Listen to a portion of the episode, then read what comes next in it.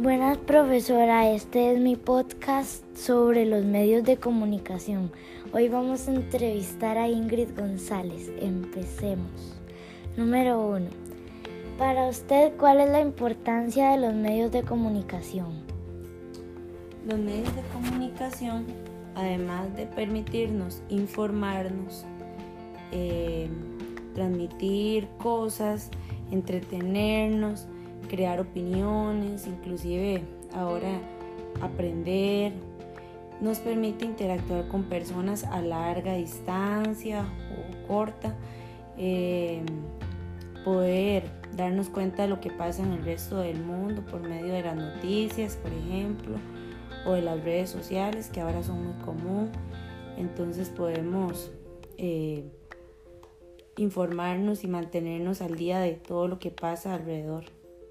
Número 2. ¿Cuáles son algunos ejemplos de medios de comunicación? Ok.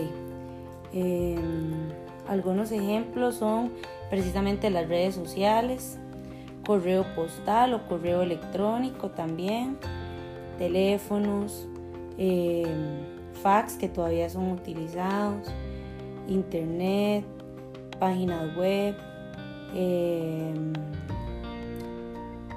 y bueno, múltiples aplicaciones que ahora hay a nivel de celular, como por ejemplo WhatsApp, eh, tenemos Teams que ahora se usa para la educación o para comunicarnos por medio de, de llamadas.